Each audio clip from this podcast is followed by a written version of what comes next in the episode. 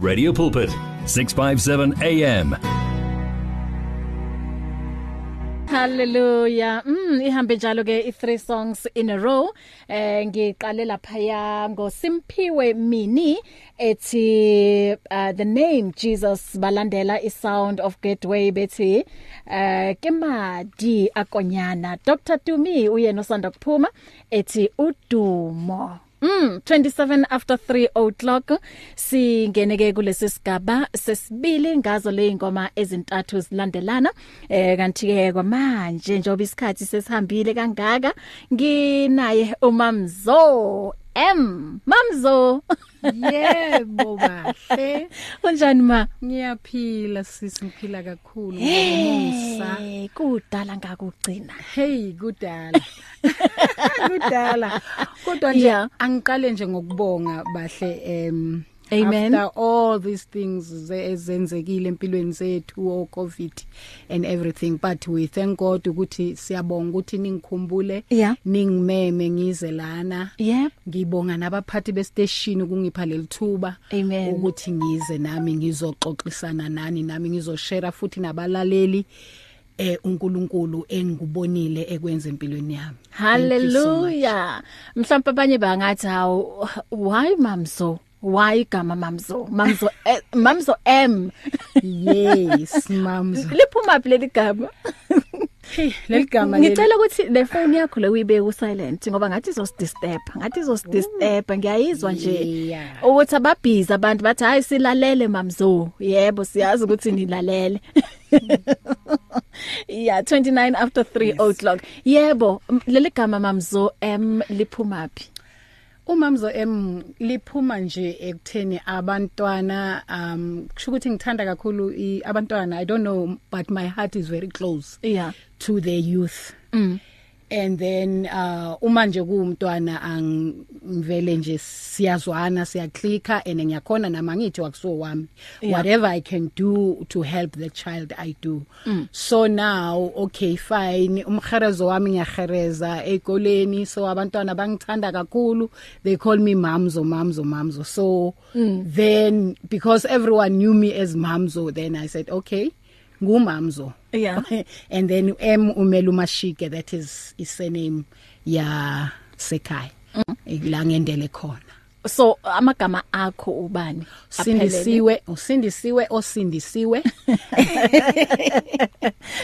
U- usindisiwe unora mashike that those are my name Okay. Yes, So umama wesizwe la la uqhamuka khona nje bathi nangu mamzo. yes so nje Yeah. umamzo lona kuyithema seke uNkulunkulu ngizwa ukuthi uyangibiza ukuthi i should ngimdumise ngokucula ngishumayele ngokucula ngimworship then ngase ngithi okay stage name sami stage name sami Yeah. ngizothi umamzo Yeah. mamzo M And njoba usho ukuthi umuntu wabantu and ingane uyayithanda ngiyacabanga ukuthi em waba ube nobizo ngoba mina ukuya ngami ukunakekela abantu as ines akusinto njengathathwa nanoma ubani. Yebo abanye bayayithatha em lo msebenzi kodwa ubona ngezenzo nangendlela abawusebenza ngayo ukuthi hayi cha lo akabizelwe la. Yes. Wena ngiyacabanga ukuthi wabizelwa ngoba uNkulunkulu ubonile ukuthi hayi uyazi unenhliziyo emnene unenhliziyo yabantu. Waqala lapho ke umsebenzi wakho. Yes. Iya. Nga- ngaqala khona kahle kahle kwanesingi iya. Even kwanesingi if ngichecka kahle i was working with the kids. Bengisebenza ku pediatric ward. Eh ngifika nje ngikhone nje umntwana noma kuthiwa nanga umntwana yakhala Yeah. maba bathi sister Cindy nanga umntwana sekusithile simkhulu simthulisa akakhona ukutula can you please help? Ah mina makafika la ezandleni zami umntwana uzothula. Ah. Noma makufanele ukuthiwa akakhona ukudla umntwana Yeah. i'll make sure ukuthi kimi kodwa makafika uzodla. Mm. Nje kun- kunaleyo nto nje. And then even when ngiyeke inesingi due to certain uh, conditions in my uh, empilweni yami ngi- ngimangiyekela um- umsebenzi obunesi ngi- ngiya ku to business and then ke ngangena ke futhi uNkulunkulu wangibeka ezikolweni where I also interact with children. Yeah. we understand so I also nalapho kunendima yami engidlalayo because abantwana ngiyakhona ukuba identify khona lapho ukuthi lo mntwana lo unidi lo mntwana lo une problem so Yeah. abanye they come and vent to me as a parent Mm. ba, ba, ba abanye bakhona ukuthi mama ekhaya hey ubaba makangeneki ini ini Mm. mama makunenkinga so so so kwenzeka kanjani Mm. uyabona so ngiyakhona ukuintervene mabanye ba- basaba njalo belwa but baza kimi baya they know ukuthi umama uzowafika Yeah. konke ke noma kuthiwa balalela abo amaphoyisa sometimes they fight kuthiwa abawezwa amaphoyisa bezwa botishera my husband avela athi mama mamzo nazi ingane zakho awuhambi yo intervene makuvela mina ingane they will say nangu mamzo ayeye ayeye so uyabona? Yeah. so then mangifika mina they will s- bonke bazohlukana. Mangithi ubani olwayo? Bazothi nangiya mamzo nangiya Yeah. mangifika ngizofika ngimbambe lo mntwana ngeke aza nginyikiza ngeke aza thini Ngiz- uzophuma nje naye ngifike ngikhulume naye and ngibayale. Mangiqeda lapho ngizobatshela ukuthi ngiyabathanda and they will feel so loved and from there kusasa they come to me and mama hey phela in in siyaxolisa izolo ukuthi we fighting akusuka ukuthi mhlambe besingaku besidisrespecta wena all that. So that is the thing engibona ukuthi uNkulunkulu ungisuse lapha yakwanesingi Yeah. with a purpose wangisa lapha ya esikolweni la ngikhona noku identify abantwana ukuthi lona ke unidi ngingamsiza ngani. Yeah. so kukhona abanye bengibasiza nakhona. In in in different ways. Yeah, uyazi s- siyabadinga abomama abafana nani. Em u- uyazi nge- ngale ikhathi z- zandulo I know ukuthi abantu bazothi hayi ikhathi sesishintshile manje.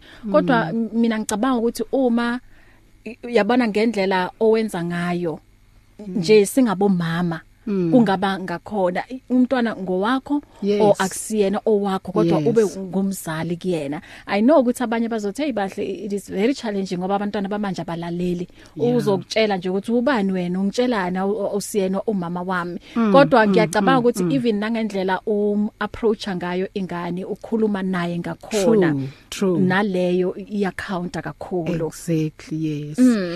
Yeah. Mm. So uh, ubani umama okuthi mm, eBhayibhelini uyaku inspire? well ngingathini ngingathi um hey bani Oh Debra. ngoba no no, Oh, no yeah. yes bonke no Ruth Yeah. bonke no Sara Yeah. bayanginspire ngoba nabo uSara wahlala kuNkulunkulu Mm. wathemba noma sekuthiwa ngeke kwenzeke Mm. but ithemba azange alilahle Yeah. and so kakhulu kimi ngi- ngi- ngiba nalento leyo ukuthi in what in whatever situation mm. that life brings to me mm. against me or against me but i always trust god Yeah. ukuthi ke naNkulunkulu wena uthembisile ushilo wathi izimo akusho- a- a- a- awuzange wathi izimo ngeke zibe khona Yeah. but izimo ziyoba khona mm. but wena you said even though zingafika izimo when yohlala unami mm. because you promised me ukuthi even though i walk through the the the the, the stormy waters or through the the the what you call the fire but mm. wena nkulunkulu wami you ha, uhamba nami uhlala unami lapho Yeah. so kuzo zonke izimo ngizibona i just learn to trust in god ukuthi noma ke sekwenzekani my god is always faith, faithful Yeah. yes Mm. So ayikho nje le ndaba ngazi ukuthi ba- babona bayasithatha phi scripture abantu uthola umuntu athi uNkulunkulu usiza bayisizayo.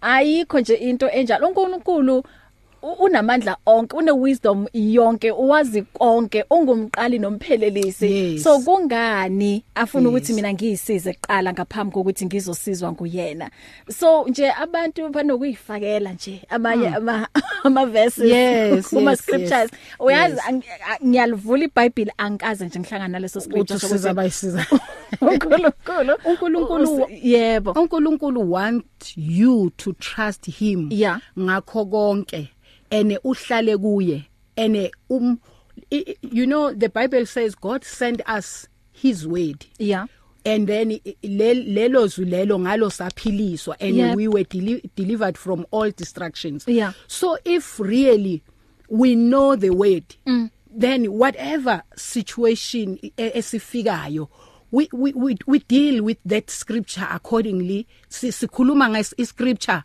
according to the situation lesifacing naso. You have the the scripture ukuthi baba uthe ezwini lakho. Yeah. makufika lesi simo esinje wena baba mina this is what is going to happen to me. Yeah. so you know ukuthi njengomntwana kaNkuluNkulu what are you supposed to do? Yeah. uma uhlala kuNkulunkulu uhlala ngakho konke ngokumethemba konke you pray you you, you worship God. N- awumeli ukuthi mhlambe ngizoya esontweni. Awumeli ukuthi ngizofunda izwi ngoba ngifike esontweni.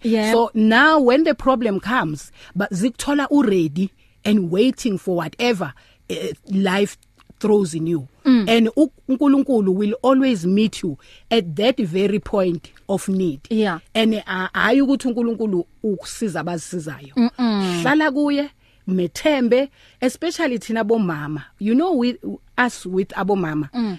Sifanele sibe i- i- yinsika ye yekhaya yikho Yeah. konke e- en- ekhaya uNkulunkulu has give us extra grace as Amen. abomama you know because ungathola ukuthi whatever is happening ekhaya ubaba ngesisikhathi unaka ezinye izinto ubaba ngesisikhathi ubalena le u- you know but wena as umama you need to be strong for your family Yeah. you need to be, to be strong for your children you need to be strong for your husband as well and njeke as a woman woman as a whole we also need to be strong for our country Amen. so abomama besililo basadingeka na namhlanje Amen. to pray and stand in the gap for all what is happening around mm. so yingakho ngithi mina mangibona umntwana ngowami. Mm. abantwana manje badukile usathani ubayisa lena le Hey. but then thina ezabomama we need to to be there. Amen. And just trust in God and put everything i- i- ku faith kuNkulunkulu and pray. uNkulunkulu will definitely hear us and answer haleluya us. Mm. Amen. Mamzo yazi ngoba u- ungumhlabeleli kuza le ngoma kumina ne? Yes. Ethi wangithatha la wangibeka la Yes. wangisusa la wangisa le. Hayi ukuthi nje eh, yabani ngihlezi ngisho lento ukuthi Oh. I'm, I'm vocally wounded so. Uh, ba i- i- mara uya rapper ngithi angithi uya No akunamuntu vocally wounded so there's many ways of of uh, you know delivering Yeah. a song so some people they s- they sing they, yeah so Yeah. some they rap just as you're doing now Yes You know? so wena ukuthatha phi uNkulunkulu uk- wakubeka kuphi wakususa wakubeka kuphi Yo, bahle I don't want to, I, I I don't want to lie.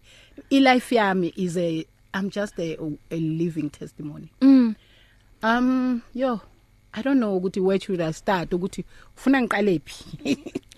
Ufuna qala ngiqale la okuwukuthi uthi uyabona lesimo beng beng bengikusona bahle ngaleso sikhathi and bengibona nje ilight beyingekho. Bengihamba nje ku tunnel kumnyama ngithi ngibheka ngala ngithi ngibheka ngala ngithi emuva phambili kumnyama bowuhamba nje. Kodwa wafika. Uyazi mafika uJehova? Yeah, kuvele ukuthi ba na ungazi ukuthi kanjani. Yes. so asiqale lapho bekumnyama khona uthi hayi uyazi bengibona nje ukuthi angeke ngikwazi ukuphuma kulesi simo. Yeah. njengoba siphuma siphuma ko covid eh, mamzo. It's a- it's a lot, yes um abanye ama usoma business. Ngiyacabanga ukuthi nawe ibusiness yakho kube khona la okukuthi bekungahambi kahle Yes. yeah mm. Hey bahle. Okay. Ethi ngithi nje you know ngiqale la ekutheni eh, njengoba usho ukuthi ngizawuqala ku business ngizawugcina ngale eye eye life or ye health nje ukuchala ema challenges we health but ng- ngizawuthi nje kuma business yes um as a businesswoman um i have learned as well to trust in god. I don't want to lie to you. Yeah. mina all that kept me going is just the grace of god. Amen. It's just trusting in god and sitting at his feet ngaso sonke isikhathi and seeking his his his face ngaso sonke isikhathi. So that kept me going. During i covid you know um there was the, the, the, before the covid start ngaqala ngathenga ngaspend imali nga- ngayenza istudio trying ukuthi ngiexpand ibusiness and also nami futhi as ukuthi ngibe ne studio ekhaya because I always go to Joburg you know mm. go to Joburg go to there and there ubuye ebusuku so ngasakhi studio ngispendile yonke imali hoping ukuthi everything is gonna turn out you know Yeah. and the studio will also bring business mm. and then covid started mm. covid happened mm. Hayi manje phela sekwenziwa kanjani but uNkulunkulu emuhle. You know god? Yeah. uNkulunkulu uyabonelela bahle. Yeah uNkulunkulu wabonelela and I was like wow my god this is you. No one else. This can be only you. Mm. okwenza konke lokhu. Yeah. I survived that eh eh, i- i- i- istorm sonke leso se se se covid because of what God just brought my way ukuthi nje angibonelele ngingazi ukuthi uNkulunkulu he can supply ngalokho but ezingisho ngithi we sit isimo masifika you Yeah. sit on the scripture uthi uNkulunkulu wami you are my supplier mm. you supply all my needs mm. you are Jehovah provider mm. You provide this time Nkosi ngifuna ukubona wena Yeah. and umkhothela uNkulunkulu uthi uthe wena ngezwi lakho Yeah. la uthela ngo Psalm 91 uyahlala uthi uthe ziyawufika izimo uthe the thousand will fall on the right hand side mm. and 10000 on the on the on the other side but Nkosi uthe kimi ngeke kufike lokho baba i trust you Amen. ngoba mina ngitrusta wena uthe Amen. ngoba ngitrusta wena when uyongibonisa baba ubu- u- u- u- u- Ubukhulu amandla bakhe. akho yes so uNkulunkulu always show up. And i wish ngathi singabomama we you can always keep trusting in god. Yeah. You know so passing on that okay fine the business it, it, things were slow though slow but i thank god ukuthi we are still standing you know. And then okay coming to i- indaba ye, ye health bahle siye sahlaseleka ma. Eish. Hey i covid yeah. You know be be be- besilwa from the first time ingene covid i we we were fighting fighting. And then but this time the third wave and then it hit on us. Three of us in my in my, it's me my husband and my daughter mm. my my last born.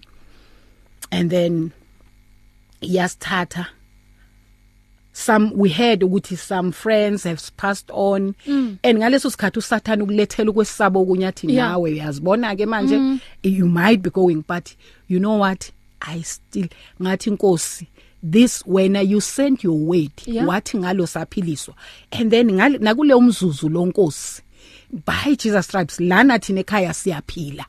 And njengoba ushilo nje ku Psalm 91 ngisamile lapho ngithi baba sifuna ukukubona amandla akho la thina sisazowabona. And bahle you know as i say ukuthi uNkulunkulu always give us i grace more grace thina bomama. And you know i was strong. Kungathi mina kwenzekanga and yaqala ngami. You know which means it's me who came with it endlini. Yakulandela ubaba umntwana wasinesa avala ama- afaka ama mask kusho ukuthi bese sim already it bese i- i- indlulele kuyi yam ya ya imami hitha naye and uNkulunkulu emuhle sometimes lack of knowledge mm. is a problem mm. but uNkulunkulu emuhle he brought us angels mm. our friends some doctors friends some nurses that has been there walked the journey they were all telling us ukuthi do this do this guys and then we were fighting mm. you know and then me fighting and but kuba ngathi akwenzekanga lutho kimi ngivuka fanele ngimake sure ukuthi they, they, they these other two mm. they are they take their medication everything ngibone ukuthi i go out and buy medication i come back and cook i come back you know i had to balance all that. Ngiloku ngikuleso simo and mm. for that i really saw the grace of god. Amen. You know and uh, my husband he struggled. He even had to be hospitalized. Hmm. you know him being hospital hospitalized athi kimi no no no you know what Cindy? Ah just let let it go. Ngithi you never ngathi never you need to fight. You are a, you are a man of god. Fight. We are fighting here. The devil angeke asize simjabulise ngalokho. mm, mm, even mm, when mm. he got to hospital he there was a time when he called me it ma Cindy who's going to look after my son? Oh. and then please call uh, uh, my niece and tell him. I said my husband please please please. And ma I had to you, you know I mm. stood and fight and fight. Yo bahle I have seen the hand of grace. Yeah. I have seen God ukuthi ngempela ngempela uNkulunkulu uthi mawumethemba yebo. naye uyohlala njalo ekubonisa umusa wakhe. Mm. you know the bible says labo abathemba labo likuJehova Amen. they are like mount zion mm. abasoze bazanyazanyiswa noma zifika ke izi- izivunguvungu nakho konke Mm. kodwa they will they they shall stand Amen. they will remain standing amen you know sometimes zifike zikushaye zikugobe kodwa because you are the child of God you go back and take your shape and you know so mm. that's what i have seen umusa kaNkuluNkulu mm. as i say i am a walking testimony amen in Jesus name i Amen. thank God Amen.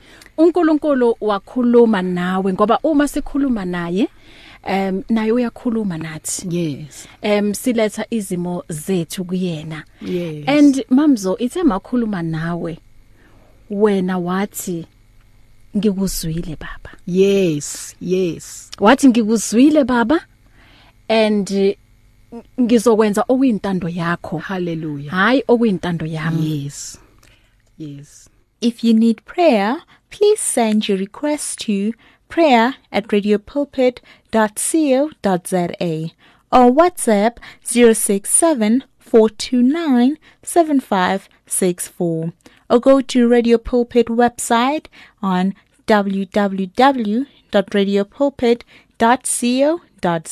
Download our app now and listen to us wherever you go. Available in the App Store and Play Store. It's good for you as our listener to know about Radio Pulpit's activities. Or do you need advice in an area of your life? Then why don't you log on to www.radiopulpit.co.za. Here you can talk to us, listen to us via live audio streaming, and there is also other reading material for the soul. What are you waiting for? Visit the Radio Pulpit website right now. www.radiopulpit.co.za. Radio Pulpit, your daily companion. Give your faith wings. Explore life with 657 AM. 657 AM. Hayi mamzo outclaim outclaim uyamaza uJehova Oh wakundlulisa eyimweni oh oh hallelujah wamuzwa. Uyazi ukulalela ukuthi ukulalela iskill you know? Yebo. You know? Wamlalela uNkulunkulu wenza. Yenza. Ngamuzwa maye ngibiza athi oh. ngikufuna kule ndima. Yep. You know sometimes si sinokuthi ucabanga ukuthi aw but mina Nkosi Yeah. ngoba nje ngathi ngi- ngi- ngingobukeleka phansi Yeah. or ngathi but uNkulunkulu Mm. njengoba asho kuMoses makathi mina ngi- nginamalimi nje Nkosi ngeke wathi hamba ngizoba nawe Oh. uyabona so nami uNkulunkulu uthema kangibiza athi ngimdumise ngokuhlabelela ngokumworship mm ngathi kwangathi noma ngizwa ukuthi khona mhlambe okukhulunywayo Yeah. yazi ngathi you know what baba Mm. uma wena ungibizile Mm. because i believe ukuthi ungibizile. Yeah. you wouldn't give me these songs. You wouldn't make me a songwriter. Mm. because i write songs. Yeah. and then i believed ukuthi uNkulunkulu lama message lawa walethayo uwafuna ukuthi abantu bakhe bawezwe and they should heal the people and they should give people hope. Yeah. so that's when i i realized ukuthi baba wena uyangibiza manje kule ndima.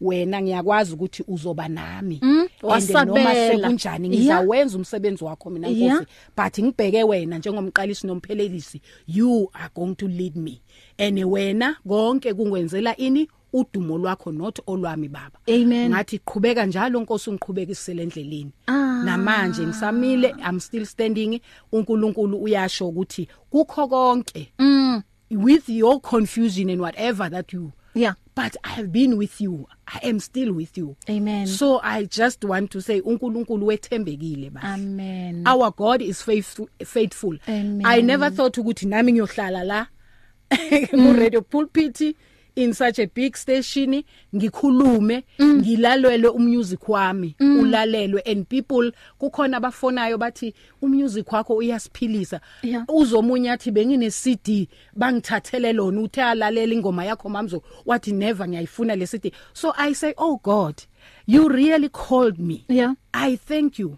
And i believe ukuthi wena uNkulunkulu wethembekile. Mm. usazoba nami kulendlela and i ngiyalaba baba uthi mangiye khona. Amen. I know ukuthi God you are with me. That is also my testimony bathi mm. ukuthi even when bekukhona ukungakholekwa ukuthi ngabe vele yena umamzolo uthi vele yena uyacula yabona yabona uyabona but our God is faithful Yeah. uNkulunkulu akakuniki umthwalo ongaphezulu kwamandla akho Amen. and uNkulunkulu uma ekubizela emsebenzini wakhe wenza sure ukuthi owakho umsebenzi uyawufeza Amen. lo akunikeze wona Yebo, no kunjalo. matter what Yeah. wena nje kufanele ukuthi ulalele yena uvale izindlebe to the outside world and just focus on God. Ngikuzwa and kahle. Our God is faithful. Hey so lengoma iphuma ku ku album yipi iphuma ku album yobus 3 okay unama unama album ayingaki? I 3 okwamanje. I'm busy okay with so my lena is the four. latest. Yes yes. Ibizwani? I i-title ya album ngoba nami ng- ng- ngithole la. Umusa. Ngi- oh u- ngiphiwe umusa. ngiphiwe umusa. It's talk you know what? As i say ukuthi mina ilife yami ngiwu Kuwumusa. ngu Yes, grace yebo, ngu grace yebo. nje ngumusa nje ngoba mina engiyikho enginakho Mm. nengikwenzayo. It's just grace akusiwona amandla Ah, akho ah, akusikona akusiwona ukuhlakanipha nakancane. kwakho. You know it's just that isikhathi. Mm. if bengaqalela ekuqaleni la ngibuya khona yeah. and to where i am now Mm. ah shem. bahle uzosho ukuthi ngubonile umusa. Mina ngubonile umusa. Amen. Mm. 0123341322 uma ke uthanda ukukhuluma nomamzo no eh, zivuliwe incengo 0123341322 or 01233 8699 unga WhatsApp na ku 0826572729 noma SMS ku 37871 eh nginemizuzu nje embalwa la ngaphambi kokuthi ngimdedele. So uma uthanda xoxa naye ungakwenza lokho kusese imanje siye la ke ku voice note. Hallelujah hallelujah. Oh blessed be the name of the Lord. Greetings, Sis Bahle. Greetings, Nomamzo, Namba Lalili Bonke be Radio Pulpit. amen Wow, I'm so blessed. Yazi, it's true. Sis Bahle nam anikasiboniso scripture esokuthi uNkulunkulu siza abasizayo. Hayi, anisazi. One thing that I know is uNkulunkulu usiza aba bahlala kuye. yes kufanele sihlale kuye njengomamzo esitsho. Sihlale kuye athi if you abide in me and i abide in you you will ask everything in my name and Hallelujah. it shall be done for you. Amen. So ayikho enye indlela eyokuthi sincedeke empilweni kodwa kuhlala kuhlala nje kuyesu kuhlala nje kuthixo. God bless you. Amen. Millicent efanabale park. Oh thank you man thank you so much eh mam Millicent Uh, uh, ngempela uNkulunkulu usiza labo abahlala kuye. Yes. ayi yazi uyikhulume kahle umama la. Yes. asiye la elayinini sawubona dumelo semoyeni Nkosazana khali mambo. Laba ngakazidoni lesikhuluma lesi shikwe oh sifuna laba sifunako ehe. Nekuhlangana sesihlangane enkulumo ihambe ifike nasesihlanganeni le yebo aha. Iphinde lenye inkulumo uthi asikwembusini vanhu vashona bathi unkulunkulu nabantu bakhe. Mhm hey manje umfundi sashumela manje nashuma juluka impela. Athi ujesu wahamba waya kusathane wafika wathatha ikhiya tesoko hayibo. Hayibo. Umuntu ayebanje kamamkolazana ngibona isikhathi silunayo khali mambo khali mambo baba. Yo um mamzo inyanga yabomama le. Yes. so sisazophuma imuphi nje umyalezo ongathanda ukundlulisela kubo bonke abomama?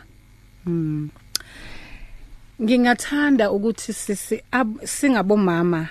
Or mhlamba bomama bo- bonke Mm. ake sizameni ukuthi sihlale Mm. kuNkulunkulu simethemba uNkulunkulu ene singabomama sizame ukuthi abantwana bethu sibathande sibalalele Mm. and um even kungaseyona umntanakho mthande umlalele Yebo. because eh uNkulunkulu usibekile thina njengabomama wasitrusta ukuthi kena emhlabeni wonke ungaka singabomama thina singakhona ukukhala kuJehova sifuna ubuso bakhe yena asizwe aphendule asi asi aphendule izi- izikhalo zethu sonke singabomama. And singabomama futhi enye into yazi bahle eng- e- enoku- enokungizwisa ubuhlungu that i thought about. Ukuthi singabomama ake sizameni ukuthi sizama ukuthi si- si- sithi uma si uNkulunkulu esikhumbula emhlabeni sihamba ake sizame ukuthi sisaphila asilungiseleleni ukuthi abantwana bethu masibashiya lamhlabeni kungasali kungazuthi umama bebengenaye. Si kukhona iweakness ehluphayo kubomama. Uthola ukuthi umama asithi mhlawumbe umama akasebenzi. Eh kusebenza ubaba. Umama u- a- akacabanga ukuthi konje ubaba uzohamba. Kulesimo nje lesesisibonayo manje kuhamba umama kuhamba ubaba. Akacabanga ukuthi konje sizawuhamba mhlambe labantwana bosala benzani. A- abomama mabakube yibo abakhona uku- ukuhlakanipha. Bakwazi ukuthi bazi ukuthi abo mase uNkulunkulu ebakhumbula abantwana bangasali benganamakhaya. Bangasali behlupheka.